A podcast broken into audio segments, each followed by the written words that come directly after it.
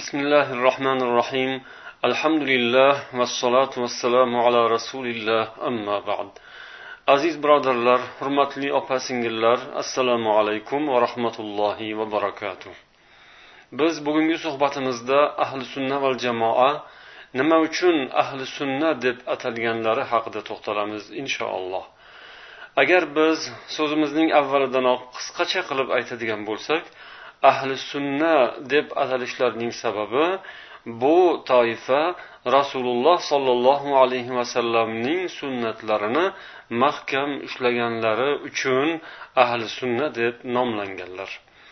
Rasululloh sollallohu alayhi vasallamning sunnatlari nima degani buning ma'nosi haqida inshaalloh suhbatimizning ikkinchi yarmida keyinrog'ida to'xtalamiz. Hozir esa payg'ambar sollallohu alayhi vasallamning mana bu hadislarini esimizga olaylik. Ya'ni avvalda ham aytib o'tganimiz hadislarda payg'ambar sollallohu alayhi vasallam men va sahobalarimning yo'lida bo'lganlar deb aytganlari. Ya'ni ummatim yetmish uch firqaga bo'linib ketadi. Ularning hammasi bir firqadan boshqa hammasi do'zaxdadir deb aytgan edilar. Shunda yo rasululloh ana o'sha bitta firqa kimlar deb so'radilar? Payg'ambar sollallohu alayhi vasallam ma ana alayhi va ashabi deb javob berdilar.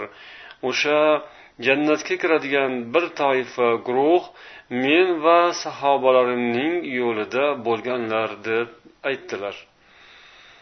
Endi mana shu hadisning yonida yana bir hadisni eslaymiz. Bu bu hadisni imom termiziy rivoyat qilganlar عن العرباد بن سارية قال وعدنا رسول الله صلى الله عليه وسلم يوما بعد صلاة الغداة موعظة بليغة ذرفت منها العيون وواجلت منها القلوب. فقال رجل إن هذه موعظة مودع فماذا تعهد إلينا يا رسول الله؟ رسول الله صلى الله عليه وسلم bir kuni bomdod namozidan so'ng bizga juda ham ta'sirli bir va'z qildilar deb rivoyat qiladilar ribab bin sariya u mavizadan ko'zlar yoshga to'ldi qalblar titrab ketdi. Bir odam shubhasiz bu vidolashayotgan odamning mavizasi. Yo rasululloh bizga nimani vasiyat qilasiz? dedi. Rasululloh sollallohu alayhi vasallam aytdilar sizlarga ollohdan taqvo qilishni agar habashiy qoraqul bo'lsa ham rahbarga itoatli bo'lishni vasiyat qilaman. Chunki sizlardan kimki hayot bo'lsa ko'p ixtiloflarni ko'radi. Sizlar yangi chiqqan ishlardan saqlaningiz chunki ular zalolatdir.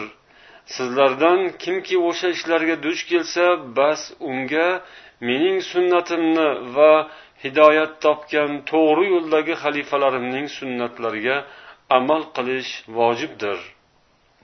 Bas unga mening sunnatimga va hidoyat topgan to'g'ri yo'ldagi xalifalarning sunnatlariga amal qilish vojibdir.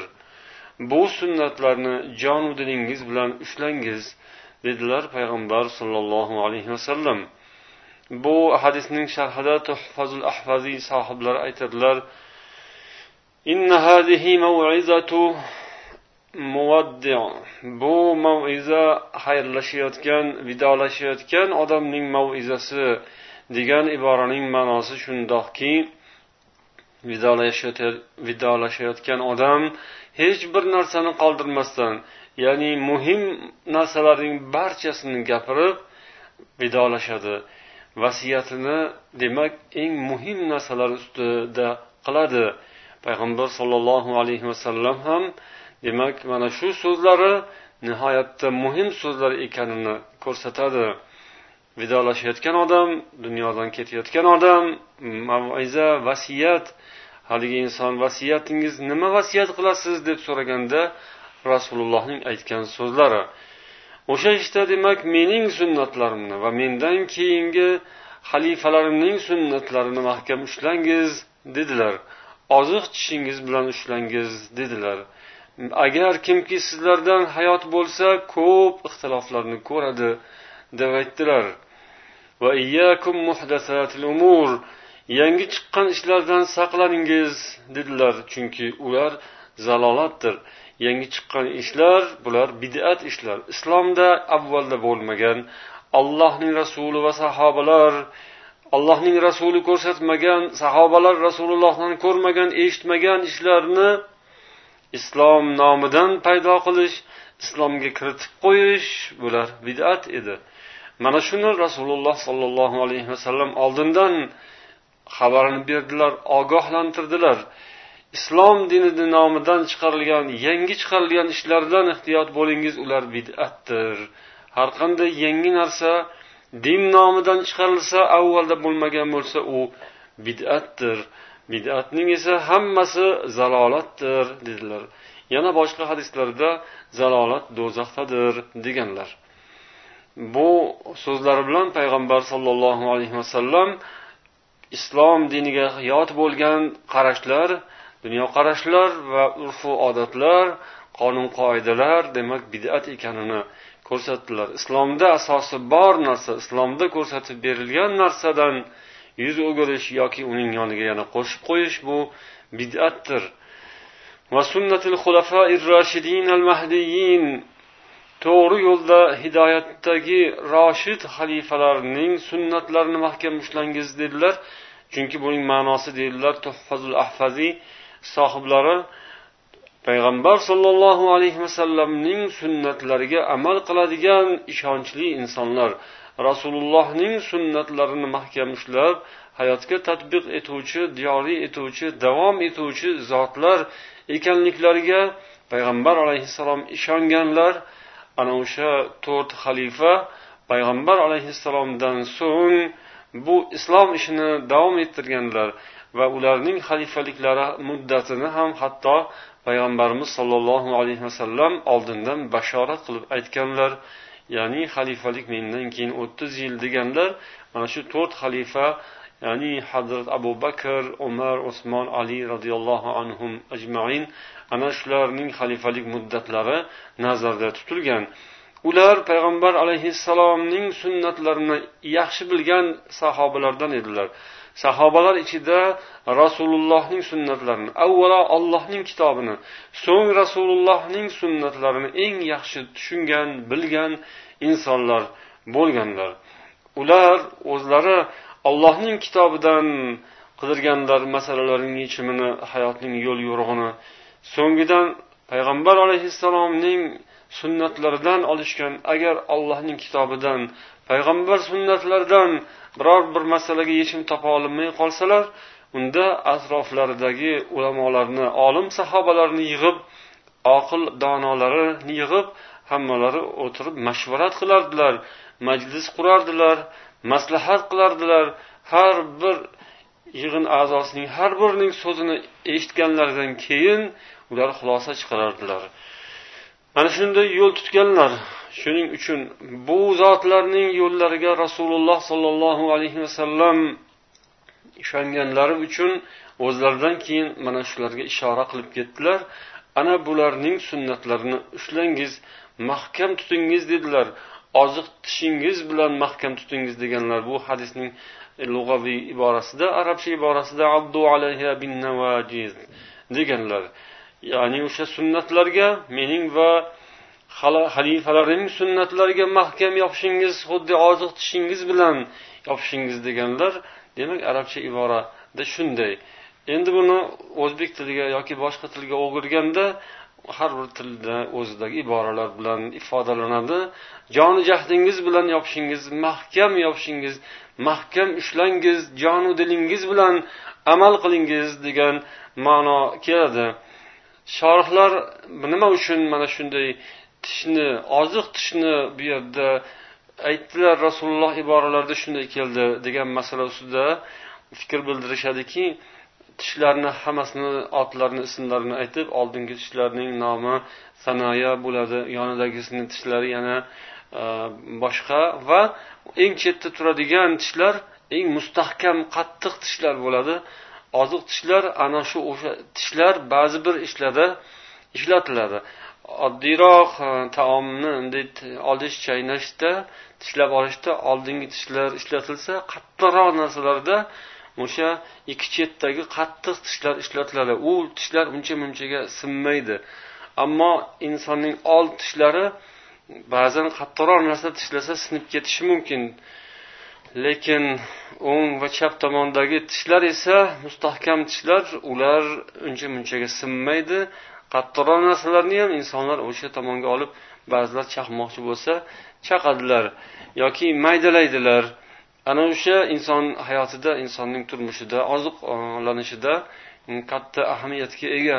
Xuddi mana shunga o'xshab inson islomiy hayotida iymoniy hayotida ham mahkam ushlaydigan amal qiladigan narsasi olloh rasulining yo'llari rasulullohning sunnatlari va u kishining sahobalari ichidagi sahobalarining rahbarlari ana xalifalarning sunnatlari to'rt xalifaning sunnatlariga mahkam yopishishga rasululloh sollallohu alayhi vasallam buyurganlar.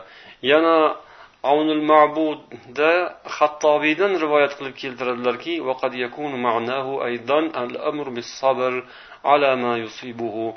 yana aytadilarki hattobiy buning ma'nosi ya'ni oziq tishlaringiz bilan mahkam ushlangiz deganning ma'nosi inson olloh yo'lida rasulullohning sunnatlarini va xalifalarning sunnatlarini ushlashda yetadigan aziyatu ozorlarga tazyiqlarga malomatlarga sabr qilish kinoya ishora bor.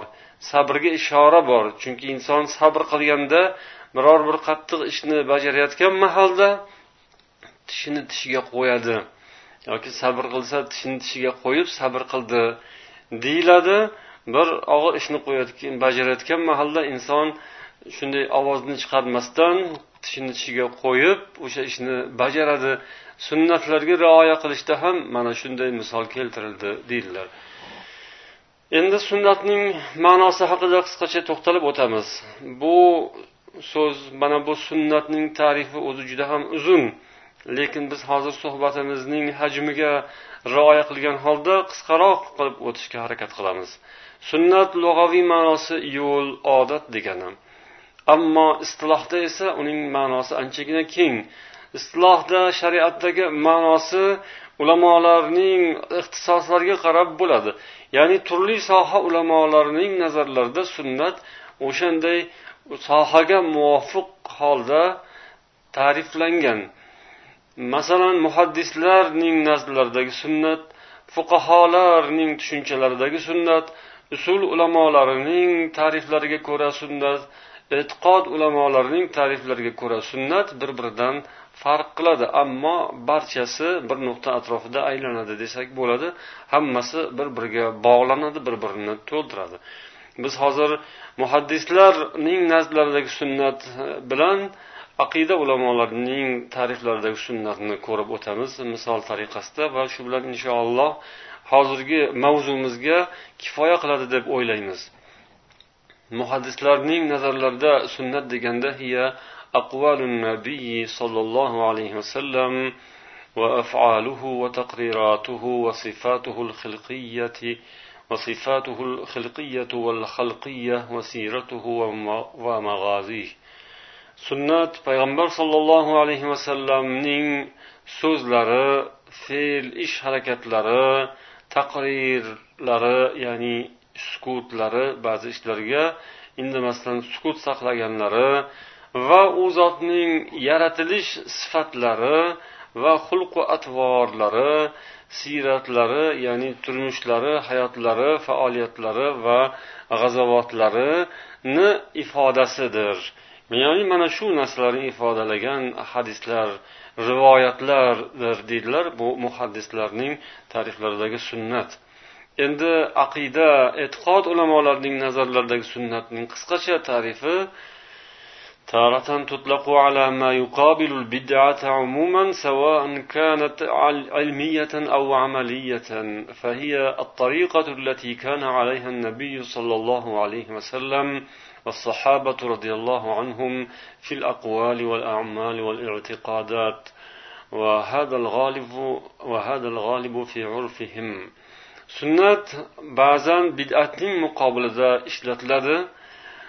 Bu xoh ilmiy bo'lsin xoh amaliy bo'lsin. Ya'ni ilmiy degani nazariy jihatdan amaliy esa amaliyot jihatidan bid'atning teskarisi bid'atga xilof bo'lgan narsa bu sunnatdir. Demak sunnat deydilar nabiy sollallohu alayhi vasallam payg'ambar sollallohu alayhi vasallam va u kishining sahobalari roziyallohu anhu tutgan yo'ldir. Bu qavl so'z jihatidan va amal amallar ish harakatlar faoliyatlar tarzida va e'tiqod sifatida. Mana shu uch xil soha bo'yicha rasululloh va sahobalarning yo'llaridir. Sunnat. Ya'ni bu uch xilga bo'lindi bu yerda. Birinchi qism aqvol so'z. Ikkinchi qism amal. Uchinchi qism e'tiqod. So'zda amalda e'tiqodda payg'ambar va sahobalarning tutgan yo'llari sunnatdir deyildi mana bu ta'rifga ko'ra. yana jamiul ulum val hikam kitobida keltiradilarki والسنة هي الطريق المسلوك فيشمل ذلك التمسك بما كان عليه هو وخلفاؤه الراشدون من الاعتقادات والأعمال والأقوال sunnat bu bir yo'ldirki bu narsa bu payg'ambar sollallohu alayhi vasallamning o'zlari va u kishining roshid xalifalari ushlagan yo'l u e'tiqodlar amallar va so'zlar majmuasidir deydilar وهذه هي السنة الكاملة ولهذا كان السلف قديما لا يطلقون اسم لا يطلقون اسم السنة إلا على ما يشمل ذلك كله salaflar qadimda sunnat kalimasini mana shu yuqorida aytilgan narsalarni o'z ichiga olgan yo'lga ishlatishgan. Mana shu. وروي معنى ذلك عن الحسن والأوزاعي والفضيل بن عياض tarif hasan al basliy avzoiy va al fudayl bin iyozdan rivoyat qilingandir deydilar. Mana shularga ko'ra فأهل السنة هم الثابتون على على اعتقاد ما نقله إليهم السلف الصالح رحمهم الله عن الرسول صلى الله عليه وسلم mana shu tarifga ko'ra ahli sunnat deganlari ahli sunnat toifasi bu salafi solihinlar rahimahumulloh rasulullohdan va sahobalardan rivoyat qilgan e'tiqod ustida mustahkam turgan jamoadir deyiladi yana jamiul ulum val hikam kitobida وكثير من العلماء المتأخرين يخص اسم السنة بما يتعلق بالاعتقادات لأنها أصل الدين keyingi zamon ulamolari mutaaxirin ulamolar ko'pincha sunnat deganda e'tiqod masalalariga taalluqli bo'lgan narsalarni tushunadilar yoki mana shunday narsalarga sunnat kalimasini ishlatadilar chunki sunnat e'tiqod bu dinning asosidir E'tiqodda xilof yo'l tutgan odam katta bir xatar ostida qolgan bo'ladi deydilar. Mana shulardan xulosa qilamizki sunnat deganda ahli sunna val jamoa tarifidagi sunnat degan so'zning ma'nosidan rasululloh sollallohu alayhi vasallam va sahobalari tutgan yo'ldan borgan odamlar. Rasulullohning yo'llari lug'aviy jihatdan sunnat yo'l rasulullohning yo'llari olloh ko'rsatgan yo'l islom yo'li. Ana shu yo'lga payg'ambar sollallohu alayhi vasallam qanday amal qilgan bo'lsalar u zotdan keyin xalifalari xulofoi roshidinlar qanday amal qilgan bo'lsalar va sahobalarning umum jamoalar qanday amal qilishgan bo'lsa ana o'shaning nomini sunnat deb aytiladi. Islomni rasululloh sollallohu alayhi vasallam va xalifalar ko'rsatgan yo'li ular amal qilishgan yo'l bu sunnatdir. Ahli sunna deganda mana shu ma'no tushuniladi. Ya'ni shu rasululloh va sahobalar tutgan yo'lni tutganlar va bid'atlardan xoli bo'lganlar islom yo'liga rasululloh va xalifalarning yo'llariga teskari yo'llarni o'ylab topgan yangicha qarashlar yangicha so'zlar va usullarni islomga kiritishgan paytda o'sha narsalardan voz kechib asl yo'lga sodiq va ana o'sha yo'lda sobit turganlarni ahli sunna deb aytilgan. Alloh barchamizni ana shu toifadan bo'lishimizni doimo umrimizning oxirigacha allohga yo'liqqunimizcha nasib etsin. Vassalomu alaykum va rahmatullohi va barakatuh